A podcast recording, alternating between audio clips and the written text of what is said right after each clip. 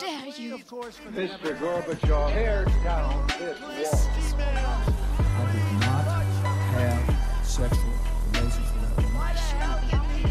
Read my lips. Hell yes, we're gonna take your AR-15. This way. I have a dream. Gråt, shots, banneord og mange, mange spørsmål.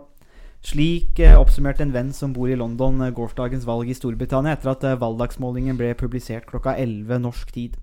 Det endelige resultatet ble relativt likt valgdagsmålingen, og valget går inn i historien som et av de beste for toryene. De fikk eh, 363 av 650 seter i parlamentet. Det er en oppgang på 47 seter. Labour ble den store taperen og vant kun 203 seter. Det var en nedgang på 59 og det dårligste valget for Labour siden 1935. I Skottland gikk SMP, det skotske nasjonalistpartiet, fram 13 seter og har nå 48 av de 59 setene som tilhører Skottland i parlamentet. Det er ikke fullt så mye gråt, shots eller banneord i studio her i dag, men eh, spørsmål er det ganske mye av, og forhåpentligvis noen svar òg. Velkommen til SOS valgspesial. Ja, Harald. eh, For en anglofil statsviter så var vel eh, gårsdagens valg et høydepunkt. Ja, det var jo årets høydepunkt etter bursdagen min, det her. Så Der rangerer du høyt. ja, det skulle bare mangle. Ja, vi har jo, vi har jo gått gjennom resultatene, men eh, hva har du bitt deg merke i? Eh, det er ganske tydelig at eh, valget ble et brexit-valg. Mm. Det var en slags, endte opp med å bli en slags folkeavstemning om brexit. og det ble et tydelig flertall for de konservative, som ønsker å, å ta Storbritannia ut av EU eh, egentlig så raskt som mulig. Ja.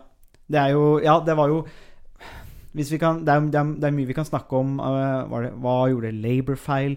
Hvilke saker kom fram? Men kanskje det som var mest tydelig, var at det her ble en ensaksvalgkamp. Altså brexit ble budskapet som resonnerte uh, blant folk i hele Storbritannia, eller i England i hvert fall. Da, England og Wales. Ja, he helt klart. Uh, Så velgerne vurderte i stor grad hvilket parti de skulle stemme på, ut ifra hva de uh, mente om, uh, om brexit. Og um, det er jo også forklaringen på hvorfor de konservative klarte å vinne noen av de eh, parlamentssetene som tradisjonelt har tilhørt eh, Labour. Ja, for det var det jo mye Det var det mye av medie, mediene eh, fokuserte på i forkant av valget òg. NRK var jo i noen av de Labour-bastionene for å dekke nettopp dette her. Og det, det, det kom jo veldig klart blant, eh, fram der, men også i andre nyhetssendinger. Nettopp det ensidige fokuset på brexit, der man hadde livslange Labour-supportere som ved dette valget stemte eh, Tory rett og slett pga. brexit. Og det var, det var det. Og på spørsmål om de ville stemme Tory ved neste valg, så var svaret nei. For de var Labour, men ved det valget her Og det, det er jo egentlig helt utrolig. Altså, er det, er det mulig? Altså, at, at en så, det, er, tydeligvis mulig da, at én sak kan faktisk dominere et valg så mye. Ja, og det er jo eh, veldig, veldig spesielt. eh, spesielt fordi at for bare noen eh, år siden, 2000 og, på ja, midten av altså rundt 2013, 2014, 2015, så var det jo under 10% av befolkningen i Storbritannia som mente at EU-spørsmålet, eller utmelding britisk utmeldelse av EU var et viktig spørsmål, og nå noen, ja, ca. fem år senere så er det blitt det store politiske stridsspørsmålet og det som har skapt de nye politiske skillelinjene. Mm, ja, det er, jo, det er jo helt eh, Altså, det er jo fascinerende. Uh, og det har jo vært fokusert mye i mediene på hva har Labour gjort feil. Handler det om Jeremy Corbyn? Men uh, vi kan gå litt, litt dypere i analysen, tror jeg. Uh, du har snakka litt om den videre politikken, eh, bredere politikken som har blitt ført. altså Du går no, no, noen år tilbake, eh, og det er jo interessant at det her var, en ikke-sak for en del år siden. Eh, men vi hadde en finanskrise, som vi langt på vei fortsatt er i, i 2008. Vi fikk en austerity og kuttpolitikk. og Forklar litt videre hva, hvordan det her kan ha påvirka den situasjonen vi er i i dag. Ja, jeg tror, tror vi egentlig må gå tilbake i hvert fall til i hvert fall ti år, minst, for Mm. å forstå en del av den konteksten som ligger eh, til grunn for det valgresultatet vi fikk i, i går, men også hvorfor eh, Storbritannia eh, Hvorfor det ble flertall for utmeldelse av Storbritannia Eller hvorfor, e hvorfor Storbritannia meldte seg ut av EU i folkeavstemningen i 2016 også. Mm. Det som er Noe av bakgrunnen er at etter eh, finanskrisen så ble det eh, en eh, kuttpolitikk som var ganske aggressiv i over veldig mange år. Noe som gjorde at offentlige tjenester eh, ble eh, redusert. Så man fikk et mye dårligere tjenestetilbud enn det man eh, tidligere har hatt. Mm. Det gjorde at veldig mange velgere følte eh, at politikken og at samfunnet ikke både ga det som de forventa at det skulle, skulle gi. De fikk ikke de tjenestene, tjenestene de mente de hadde krav på, i forhold til at de eh, betalte skatt og osv. Så, videre. så det har vært med på å skape grobunn for en misnøye. Mm. Og det ble også utnytta av spesielt eh, brexit-tilhengerne. Mm. Eh, hvor de eh, la skylden på innvandrere fra Øst-Europa. Som igjen var med på å, å, å gjøre det lett å argumentere for at det var, innvand, det var innvandrerne sin, Mm. sin feil at eh, tjenestetilbudet begynte å bli dårligere. Ja. Eh, og i tillegg, en annen eh, ting som skjedde parallelt, var at eh, eh, Labour valgte ny leder etter Jordan Brown. Eh, og da valgte de Ed Miliband. Eh, valget sto mellom eh, Ed Miliband og broren David Miliband. Mm. Og Ed Miliband viste seg som eh, en ganske dårlig eh, leder. Eh, og eh, han hadde store problemer med å kommunisere til folk. Mm. eh, Vanlige folk. Ja, altså Eh, ikke til, kanskje, men med. ja, Altså, både han til og- litt med ja, både, med. Både til og med. Ja. eh, og, så han hadde ikke de, de sosiale antennene, eller den sosiale Han klarte ikke å kommunisere Nei. på en god måte. Eh, og det gjorde at eh, Når eh, Da han gikk av, så, og man skulle velge ny leder i, eh, i Labour, så um, Så fikk man Så var det kanskje større grobunn også for å velge en mer radikal, en annen leder enn en som kunne kanskje være mer sentrumsorientert. Mm. Så hvis Labour hadde valgt David Miliband istedenfor Ed Miliband, så ville kanskje Som er en mye bedre kommunikator, så ville han kanskje vært en mye sterkere opposisjon også. For noe av problemet med, i Storbritannia er at man har hatt en svak opposisjon. Mm. Eh, både Miliband, eh, Corbyn har vært eh, veldig svake politikere og i veldig liten grad klart å stille regjeringen til veggs eller å gjøre den jobben de skal gjøre som, eh, som opposisjon. Så hadde man hatt en Mm. eh, mindre aggressiv kuttpolitikk, eh, og hadde eh, Labour hatt dyktigere ledere enn det de har hatt de siste ti årene, så eh, ville man antagelig ikke hatt den konteksten som har skapt eh, Eller gjort det mulig både for brexit og det valgresultatet vi fikk i, eh, i går kveld. Ja, for det du snakker om med kuttpolitikk og, og eh, går jo også inn, og det er jo litt sånn Hva skal vi si Det er nesten Kan vi si at det er sånn halvveis paradoksalt at en av de viktigste kampsakene for Toryene har vært NHS. Altså det nasjonale Altså offentlige helsevesen har det som vært en av de viktigste sakene å, å beskytte. Eh, slik at man skulle jo tro, i hvert fall prinsipielt, at Toryene ville være for eh, privat privatisering av Mm. Og, det, og det, er jo, det er jo ting som tyder på det. Men, men så de har på en måte da, Man har gjennomført en kuttpolitikk samtidig som det er nettopp det noe av det offentlige tjenestetilbudet har vært en av de viktigste sakene. De kjørte rundt med den svære bussen i brexit-valgkampen, bl.a. med hvor mange milliarder pund som skulle gå til NHS.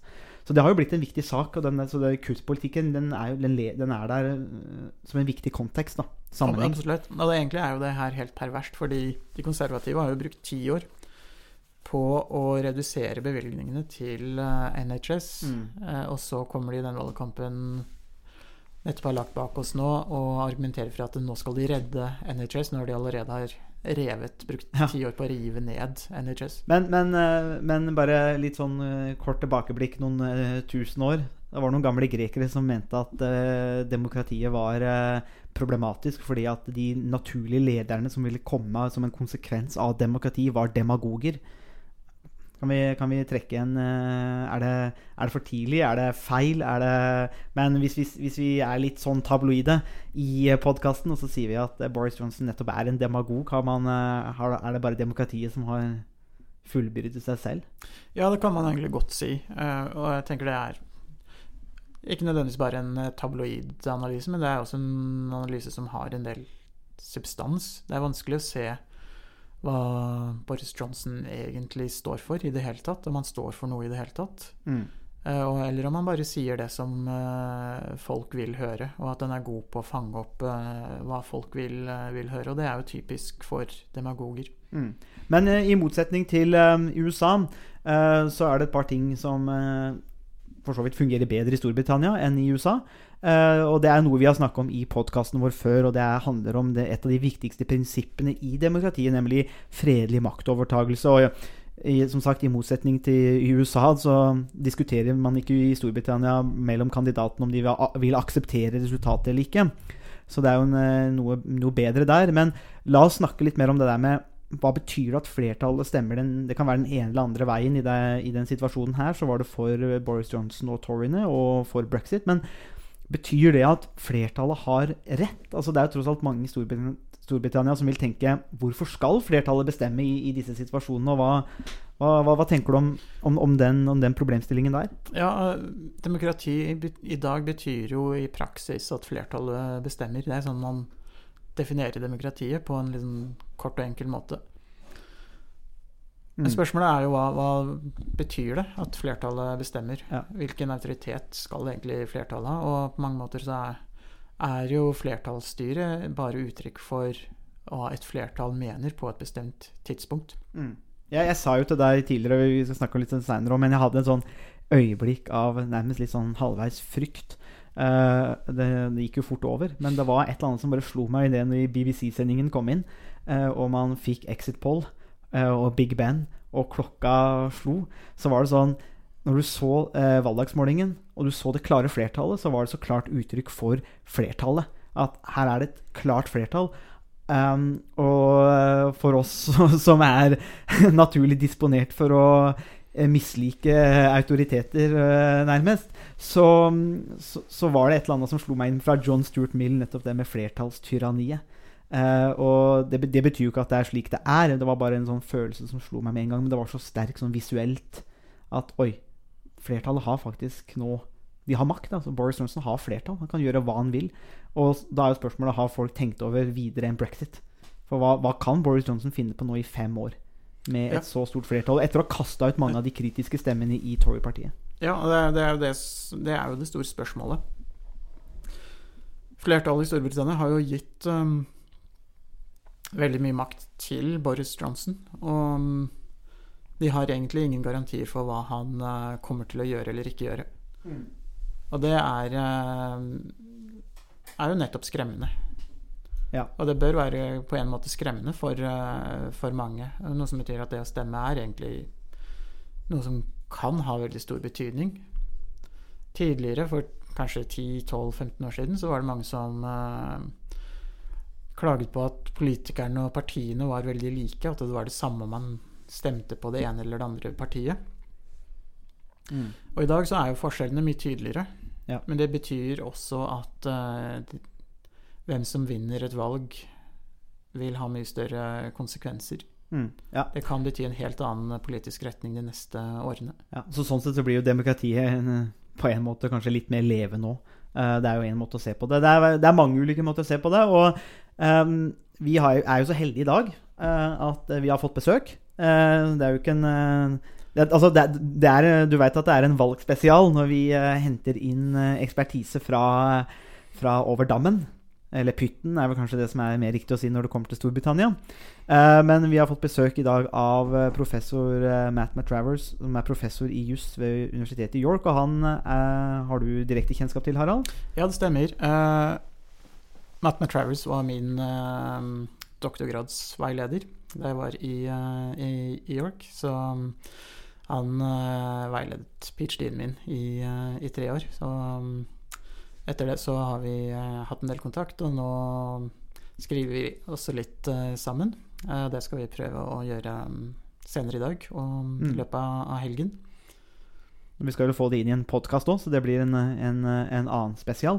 Eh, så vi er, det er jo uansett fryktelig artig, og da får vi en Det er jo, var jo fantastisk god timing eh, at han kom på besøk dagen etter, eh, etter eh, valget. Nøye planlagt. eh, Det er, eh, det, er, det, er, det er sånn det er. eh, overlater ingenting til eh, tilfeldighetene i den podkasten her.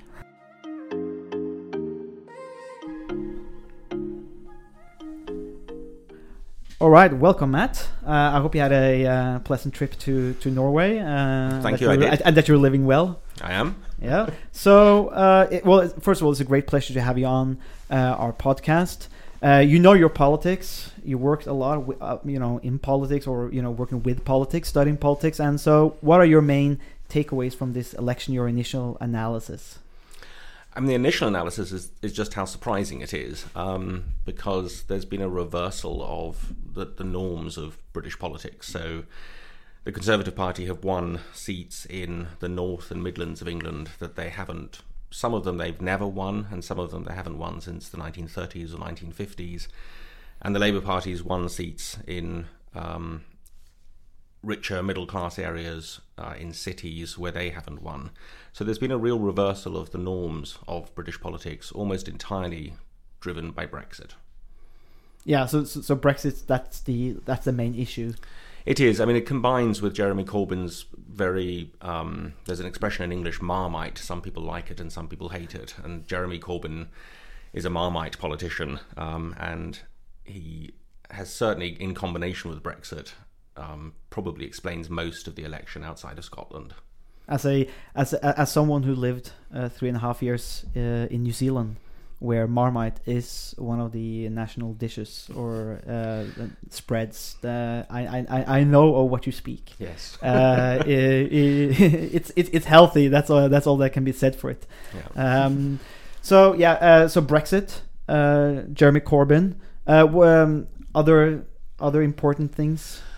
Well, I suppose the other big thing is the degree to which the election didn't really have very much substance in it. So, although Brexit is this huge issue, what's really remarkable is that Boris Johnson won on a on a campaign slogan of "Let's get Brexit done," but we've all woken up and we still don't know what Brexit means. So we know that he now has the majority to take uh, the UK out of the European Union at the end of January, but that's just the start of the Brexit process because that's just the withdrawal agreement. And what then needs to be done is a new trade agreement, a new relationship has to be negotiated, and that could be everything from from Norway, from from the kind of relationship Norway has with the European Union, to Canada, to uh, which is a different relationship, to a World Trade Organization crash out, and in a sense, it's it's really remarkable to have an election dominated by a policy, the Brexit policy, to have a clear winner in that election, but to wake up in the morning and think we don't know what it is that won. We don't know what he's going to do. Exactly, and and this is you know one thing that we talked about, and which is like this wasn't a Brexit. You know, technically, it wasn't a Brexit election. Brexit was the main issue, and it became a Brexit election. But you did vote for the Tories and Boris Johnson for five years, potentially, and you know so that that means more than Brexit. That means five years with, you know, quite right wing politics, especially after they kicked out a lot of the opposition within their own party too. So it means more than Brexit or the implications. It does. It means a, a great deal more. And um, the UK is relatively unusual in Europe in having um, both a first past the post electoral system and having very few checks and balances in Parliament. So um, the very famous uh, English conservative constitutional scholar and politician Lord Hailsham once described our system as an elective dictatorship, and it's true. If you if you have a working majority in the House of Commons, you are effectively for five years a dictator. You can get anything you want through, and there's no there's no second chamber that can block. It can delay, but it can't block, and there's very little um, oversight by the courts. So Johnson can do what he wants for five years, and and and again, one of the great puzzles is what does he want? Um, so on the one hand, you're right; he's kicked out a lot of moderates from his party. On the other hand, the op- the optimistic view, if you have the kind of politics I have, is that Mrs. May was trapped by uh, not having a majority, and so having to work with the 20 or so very far right, very hard right uh, conservative MPs in what's called the European Research Group. Johnson, with a much bigger majority, could afford to ignore them. He could Yeah. pivot back to being a one nation, consensus based conservative politician, which he was as mayor of London. And again, it's just one of the enormous surprises, and in a way, one of his skills that he's chameleon like. Mm. So people have voted for him. He will have five years in power, and most of us don't know what he's going to do with that. Yeah. Uh, before we head into more some some of these substantial matters, I think uh, you know w- which we have to talk about is that you know m- the majority, the sort of dictatorship that you are describing. But I just want to pick up on one thing. You, you said you know this is sort of an election without substance in a way, and uh, that also hit me because uh, I, I you know I've been following I, I follow you know a bunch of UK academics, journalists on Twitter, uh, and I saw there was this election. There was a, there were quite a few uh, cases of um, stuff or instances where things were just made up. Uh, they were falsely distributed on Twitter. I saw the Daily Mail uh, did you know series of tweets where you know Labour people attacked Tories, which turned out to be false. But the it, you know the election sort of campaign also turned into those issues, which which are never helpful. And so, it's like, do you have a, a, an impression that like the election was perhaps without substance, but that it was also dirtier? Is that is that is that possible? Yes, it, it was a great deal dirtier, um, and it's certainly true that there were more lies told on, on all sides, actually, Yeah. but but but mainly by the Conservatives than in any other election I can remember. Um, I don't know to what degree that's peculiar to politics, or to what degree it reflects the fact that politics happens much quicker. That you know, when I was young, the, the news came at the end of the day. At, at 10 o'clock, you sat down and you watched the news, and there'd been time to find out from sources whether stories were true Yeah. or false. Now they come out every 30 seconds on Twitter. So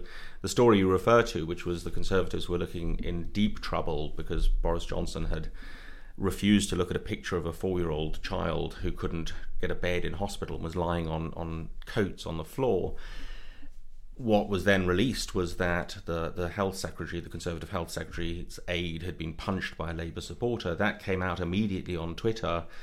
Within an hour, it was it was shown to be false. But of course, within that hour, it had been retweeted, it had been put on Facebook, and that aspect of politics, that everything is so immediate and so unchecked, hmm. I think combined with, let's say, a looser morality when it comes to telling the truth, Yeah. is very dangerous. Mm, yeah, and, and and this is like one thing that would concern me is that so if you have Boris Johnson, he's wi- he's winning. Uh, you have Trump in America. It's like how do you match it? Well, do you match it by telling the same kind of lies, being as you know, you know, loose with the truth, uh, sort of, and you know that could have some ramifications. I think for uh, you know for democracies that we that we may not think of. You know, it's just It's just true. I, I think one of the scariest things about Trump, Trump's election, and a great deal of what's happening, even in, in the UK and in Europe, is that people don't seem to mind being lied to. So it's not that hmm. it's not that people believe Boris Johnson. All the polls show that they think he's untrustworthy. They just don't care. And I hmm. think when when a, in a democracy people stop caring about the truth, that is seriously worrying and seriously dangerous. Yeah, I mean, we, we, we talked a lot about this, uh, Harald, on our, you know, on, on the previous podcast. You know, the, you know, just these elements. You want, what are your thoughts? Yeah, I, I think one of the problems is that people they seem to accept or even enjoy kind of to be comfortable, and they feel comfortable when people like Trump and Johnson tell these lies and these kind of create these narratives. Uh, it makes people feel comfortable, uh, and they care about being they care more about being comfortable than actually knowing the truth, and that's very scary. And it's difficult to see how this really polarized political situation in many um, countries, uh, especially in the US and and the UK, how this really pol- polarized situation can move back to a more uh, normal situation with more centrist politicians dominating the um, political um, discussions. Mm. Yeah, 'cause i- is, this, i- i- is that what we're where we're at now in the UK? Like officially, this is a polarized. It is very polarized um, in in two senses. Uh, one is that within England, um, the split between Remainers and Leavers is now more vitriolic uh, than it's ever been, and it's very hard to see how that can be brought back together. But of course, the bigger split, in a way, is between the different countries of the Union. So Scotland has consistently voted, rarely since Mrs. Thatcher, um, to the left of uh, England, and now it's voted overwhelmingly for the S- Scottish Nationalist Party. Not necessarily overwhelmingly for independence, but the Scottish Nationalist Party is um, is a left of centre party.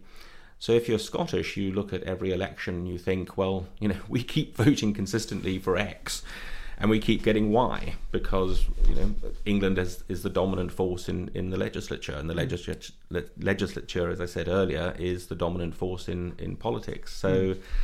I think there's a serious risk to the union, and I think the fact that the withdrawal agreement that Johnson has negotiated puts a border down the Irish Sea, so it mm. treats Northern Ireland effectively as part of Ireland for customs purposes, means that the chances of United Ireland have gone up and the chances of independent Scotland have gone up. And that would really be a dramatic historical change um, in the nature of, of, of the UK. Yeah, I mean, this is really fascinating. You know, when you look at Scotland uh, and, and and you see the SNP, you know, they're gaining 13 seats, like 40, 48 out of 59. I mean, it's it's incredible. And as you say, you know, they're clearly voting for X and they're getting Y. And you would have to think this will only further the uh, SNP agenda of a of a new referendum and potentially, you know, get some sort, of, you know, get out of the union. Yeah, and I th- and I think that will be reinforced if um, if there's a hard Brexit. So I think uh, Scotland voted overwhelmingly to remain. Um, I don't think there is yet a majority for independence. So votes for the SNP are, are quite hard to interpret. They're not necessarily votes for independence, um, but they're votes for control. But it is clear that the majority in Scotland would wish to remain in the EU. There's a Scottish government uh, election in 2021, and I think if the SNP certainly if they if they repeat the kind of performance they had this year, this election, there's no ch- there's no question there will be a second independence referendum, and they would probably win it. in, in, in a way like you know I'm, I'm thinking you know uh, in in the EU a lot of people say you know oh it's hard, so hard to talk to Brussels it's so far away and it's distant I wonder if that's how they feel in Scotland. You know like you know Westminster so far away and they don't listen to us. So in in, in a way if that's if that logic holds up I wonder if um, Tories and the people they should actually understand what the Scots are thinking because they the, the same logic applies. Yes, absolutely. Um, I mean, it, it, it hasn't been as bad through the new Labour years because Tony Blair, although he didn't seem it, was um, was Scottish. Gordon Brown was much more visibly Scottish, um, and of course, New Labour was was soft left of centre. Um, Boris Johnson is a reviled figure in, in much of Scotland. He represents everything a certain kind of Scots person hates about the English elite, overprivileged. Um, believes that he's entitled to, to run the world um, without permission from anybody else. And the Scots, the Scottish Conservatives, were desperate for anyone but Johnson to, to, to lead the Conservative Party because they knew it would it would mean really problematic um, uh, electioneering for them in Scotland, and that's the way it's turned out. So if Boris Johnson continues as Prime Minister and if he imposes a hard Brexit, I think the chances of a Scottish independence referendum are staggeringly high. No, that's uh, that. I mean, that's fascinating. Is you know we, you know, it, it can seem like a vote for Brexit, like now or yesterday, but like the ramifications, the implica- it's not done. Like the implications of it, it would just carry on for the next for the next year. So we're not. Uh, we're gonna have a lot to talk about in our podcast. You know, we might might, might, might have to have you on as a regular uh, Yeah. at, at some point to co- comment on. Thank you. Yes. issues. Well, I mean that's why the get Brexit done was such a great lie that it you know Yeah. it, it isn't done. Um, and of course, Scottish independence would have enormous ramifications across Europe. I mean, one of the very interesting aspects of Scottish independence is there hasn't been this kind of secession for, for, for many years. And if you were Catalan or if you were a Basque, you might be looking at this and thinking, well, if Scotland becomes independent and is allowed to join the European Union as an independent country, well, who's next? And hmm. that's actually a fascinating thought that, you know, it's one thing for Czechoslovakia to have, have, have split because you know it, there was already turmoil after the Soviet Union, but it would be another for, for the Catalans or the Basques suddenly to look to Scotland and say, well, it's permitted it's permitted there, so why not us? Yeah. Oh yeah, yeah. That, yeah, that, that's that's a great that, that that's a great point. You know, like that, about that lie. Uh, I, I think that's uh, you know it's it's it, politics is more much more complicated and complex than these single issues. Uh, you know, and and, and you, I- I had to feel for you. you, you, I I- I get the feeling. I I don't I, you know I don't have a um, dog in this fight in the UK, but you have to feel like there's a lot of people on the long term is going to be disappointed with what they voted for. I, you know, they're going to be. We did not get what we wanted. That's true. I think I think they will discover that very soon. Um, it'll be January or February when suddenly Brexit will still be on the news as we try to work out a new trade agreement. And worse than that, I mean, my my deep fear is that all the economic modelling shows that whatever we do, even a soft Brexit, will be economically damaging, and it'll be most economically damaging to the manufacturing areas of the North and the Midlands, which have just voted to get Brexit done in Johnson's terms. So it is like turkeys voting for, for Christmas, and it is it is very depressing. Um, but it, it, it is a sign, as I think you say, of a sense of exhaustion, a sense of people just not wanting to deal with the complexity. They just want to wake up in the morning and think it's all been sorted. That's what they think has happened, and they're going to discover it hasn't. So what will happen? So Harald, you know, he went to York, uh, did his PhD there under your supervision. Um, what do you think is going to happen to the university sector uh, and the exchange there of, inf- of information and people? Because UK academics, uh, and I mean, I did my master's degree in Wales, which now all voted for the. Uh, uh, well, yeah, they, they changed from not conservative. It's the Scottish or the Welsh National Party, I guess we, we can call them. Um, but both me and Harald, we we enjoyed and you know taking part of the a great vibrant UK academic culture. And how do you see that? What, what do you see as implications for that potentially? I mean, the implications might be bleak, and already I have colleagues who've left and got jobs in, in Europe because they don't want to remain in a in a UK outside of Europe.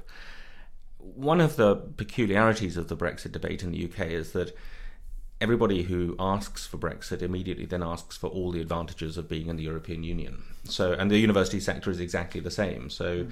what's said is we will leave the European Union, but we will continue to have access to all of the grants and all of the programs. Just as what's said is we'll leave the single market, but we'll continue to have access to the single market. Which is why the whole project seems so peculiar that um, we want to get out of something and then get all the benefits of, of being still in it.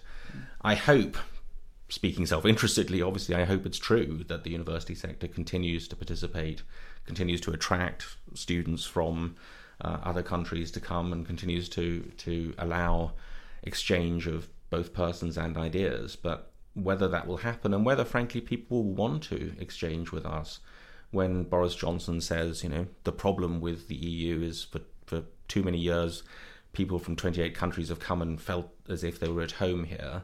And he so, thinks that's a problem, and I think that's great.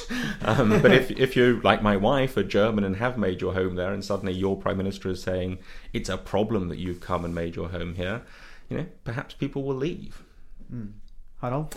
Yeah, I, th- I think we're talking about some of the um, the main issues related to to Brexit, the long term consequences of Brexit, uh, and why I think it's perhaps the the mistake of the century because it puts the UK on a different path than what it's been on for 40, 50 years already, um, and then gradually it will be impossible to retain all the advantages uh, or even any of the advantages with being a member of the EU.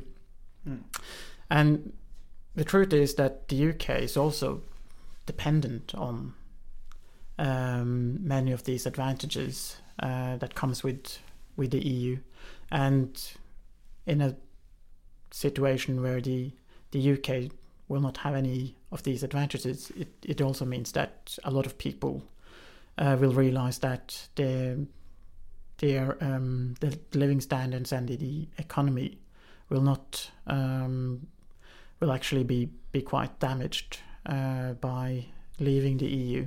So in in the long term, it means that the uh, the UK might experience lower economic growth and it basically means that a lot of people will either be out of jobs or being being paid less than what they otherwise would do. And as Matt pointed out, um, those who voted for uh, Brexit are the most likely to be hurt the most as well.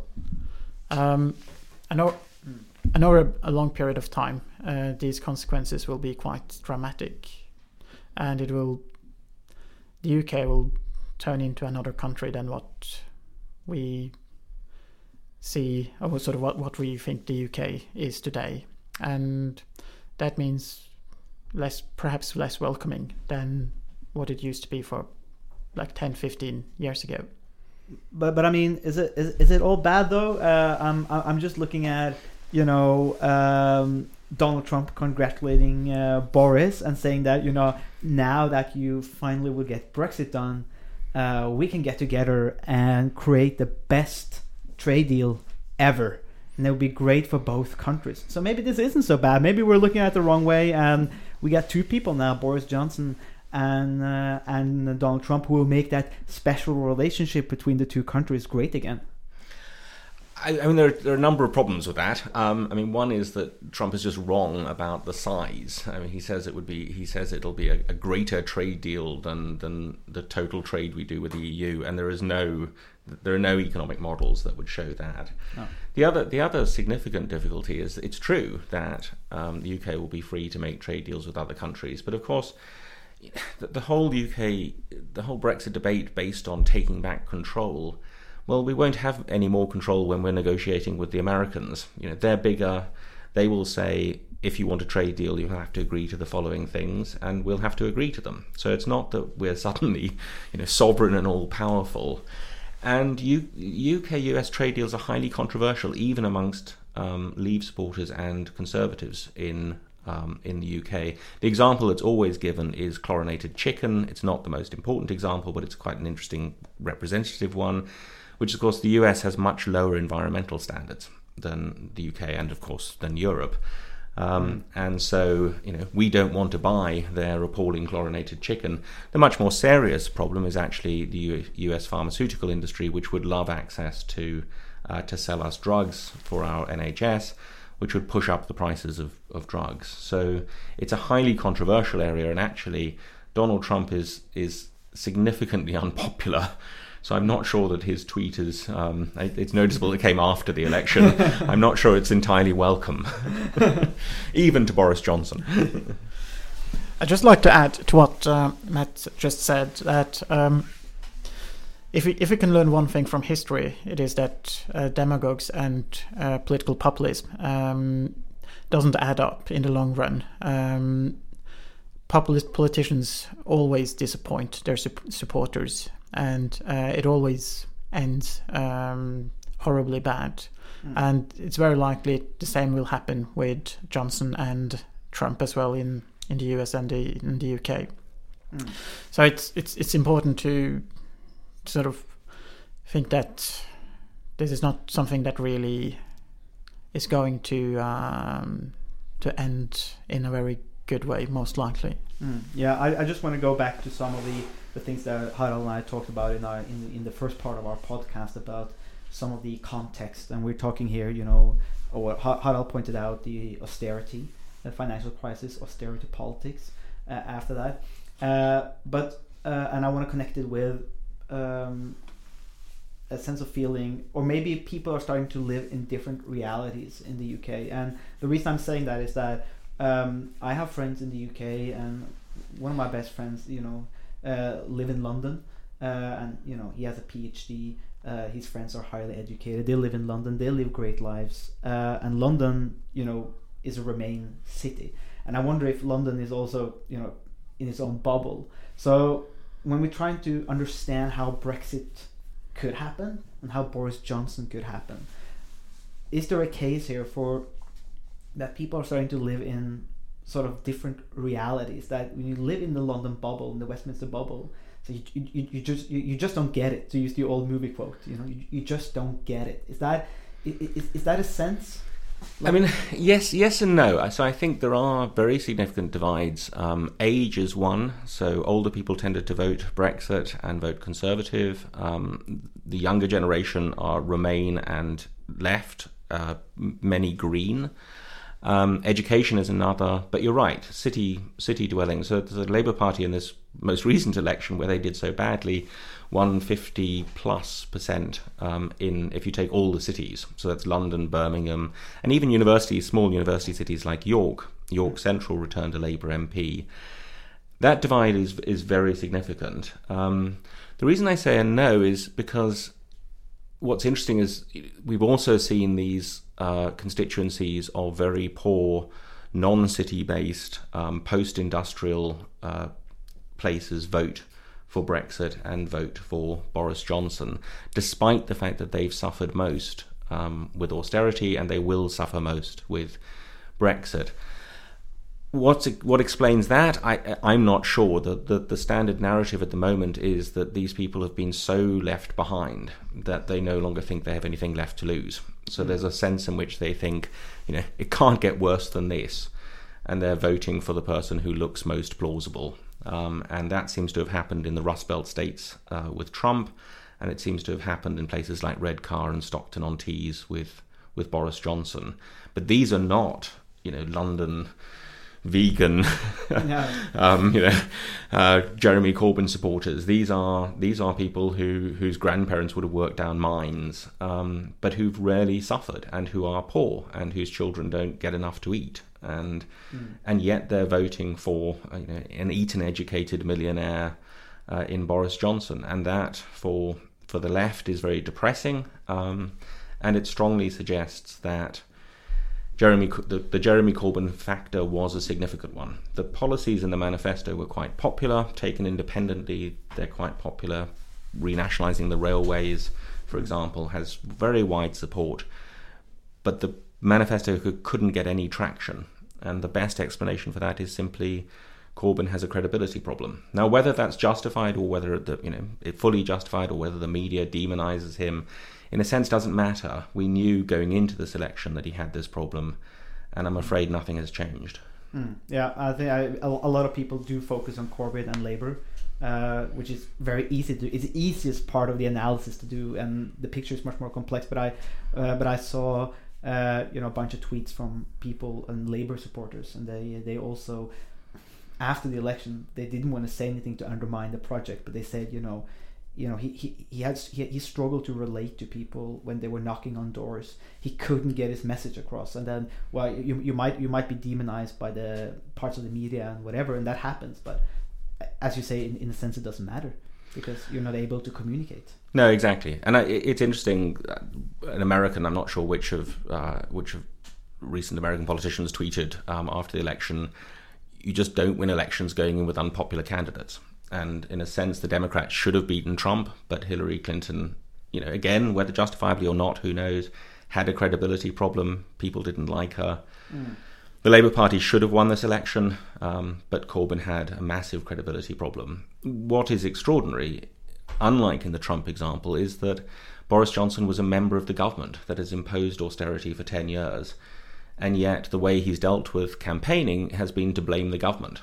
So all the way through, he's been saying, you know, austerity, terrible idea. We need to, we need to get Britain moving again. We need to re, um, reinvest in infrastructure.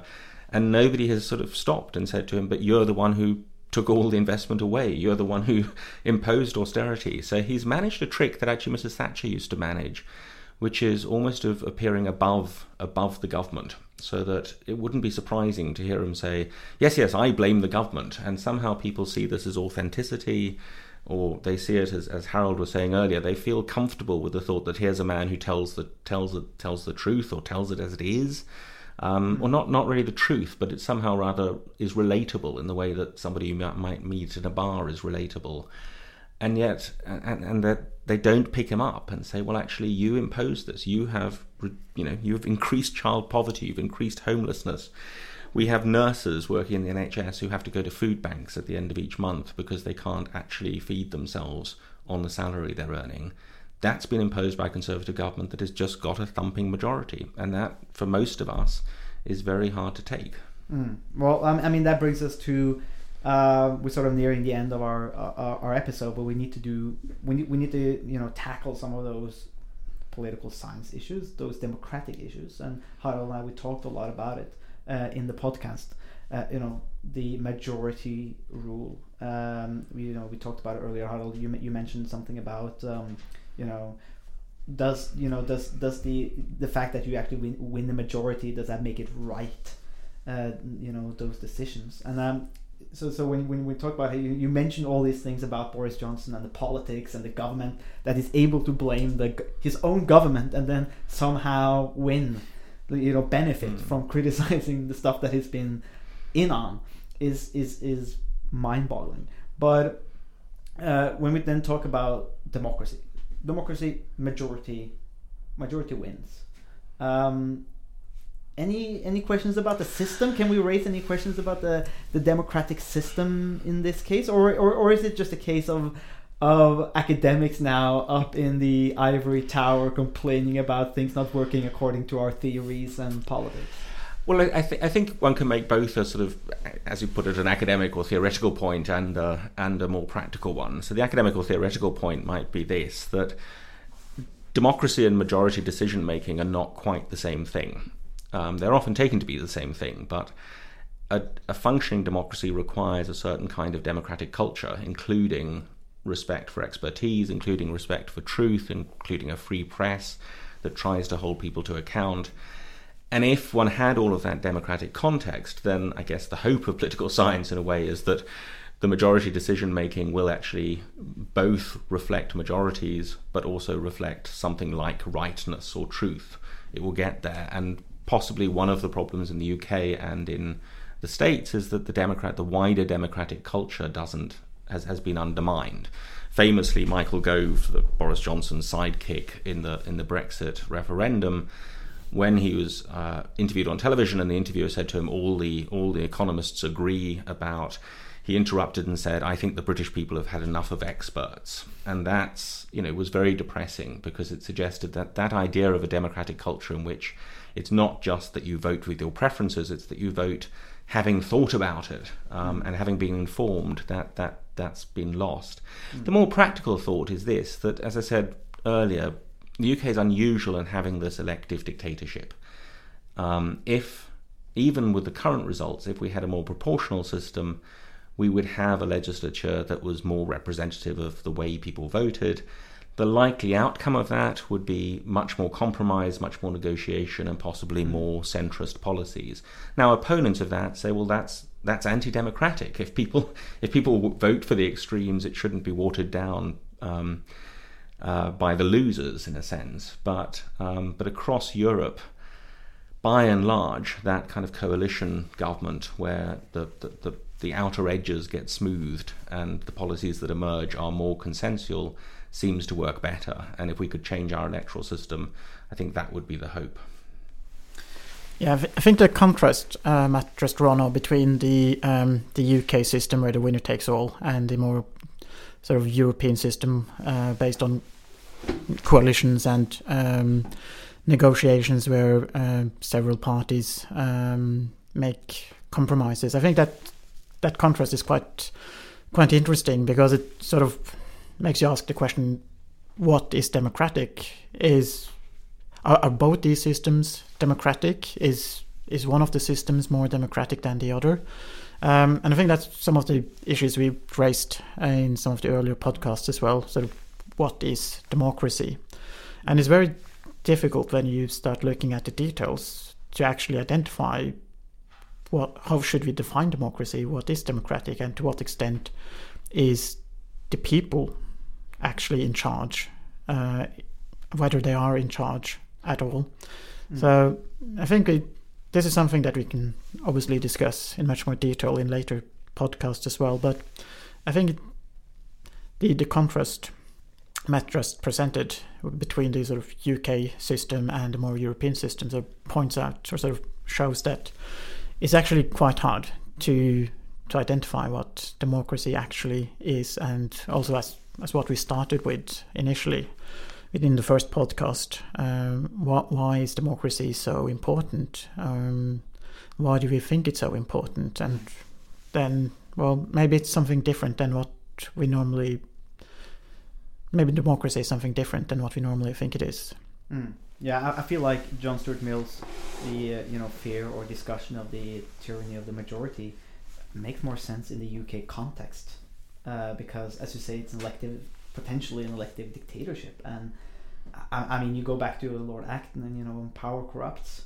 Uh, and so I'm, and you know, it's going to be fascinating to see what what Boris Johnson, uh, you know, will do with his with his uh, majority. As I said, I had a sensation of fear when I saw the exit poll, just because it was like the majority. Just, it just hit me. It was like a visualization of a potential tyranny of the majority. It doesn't have to be. Uh, I'm not saying that it is, but it was more like the potentiality uh, was just something that struck me. So you know, just to wrap up this episode, what are your you know you do you want to do something that political scientists are really bad at predicting the future? Uh, no, um, I, I don't because I, I, as I said, I think one of the great unknowns is what what is he now going to do with this majority. Um, I think one of the great fears is that the one thing he will do um, is he will undermine the institutions that might hold him back. So I, I can see an attack on the Human Rights Act. I can see an attack on the judges. I can see an attack on Channel 4 and the BBC, which are our two more independent journalists, Mm. because he doesn't like people getting in his way. And even within our elective dictatorship, we've always had reasonably strong institutions. But, and it's ironic for a conservative p- prime minister, but this is a conservative prime minister who doesn't seem to respect institutions. But, you know, as I said, perhaps he'll pivot back to being a, a one nation centrist. Um, we'll see. I'm just, I slightly regret being part of this experiment for everyone else. Yeah, I, uh, I, I, and I think that's uh, that's a great, it's a great way to to end this. We, we we end this podcast episode on a on a high note, on a very uh, positive note. But uh, you know, it'll be interesting. We'll we'll follow the development uh, in our in our podcast. Uh, but it was great to have you on, uh, Professor Matt Matravers. Thank you for having me. Takk for at du hørte på denne episoden av SOS. Hvis du likte det du hørte, så setter vi stor pris på om du vil dele podkasten med venner og bekjente. Eh, vi tar gjerne imot spørsmål, eh, og adressene for elektronisk post ligger i eh, beskrivelsen. Musikken var komponert av Robin Horvath, og neste episode kommer om en uke sånn cirka. Vi høres!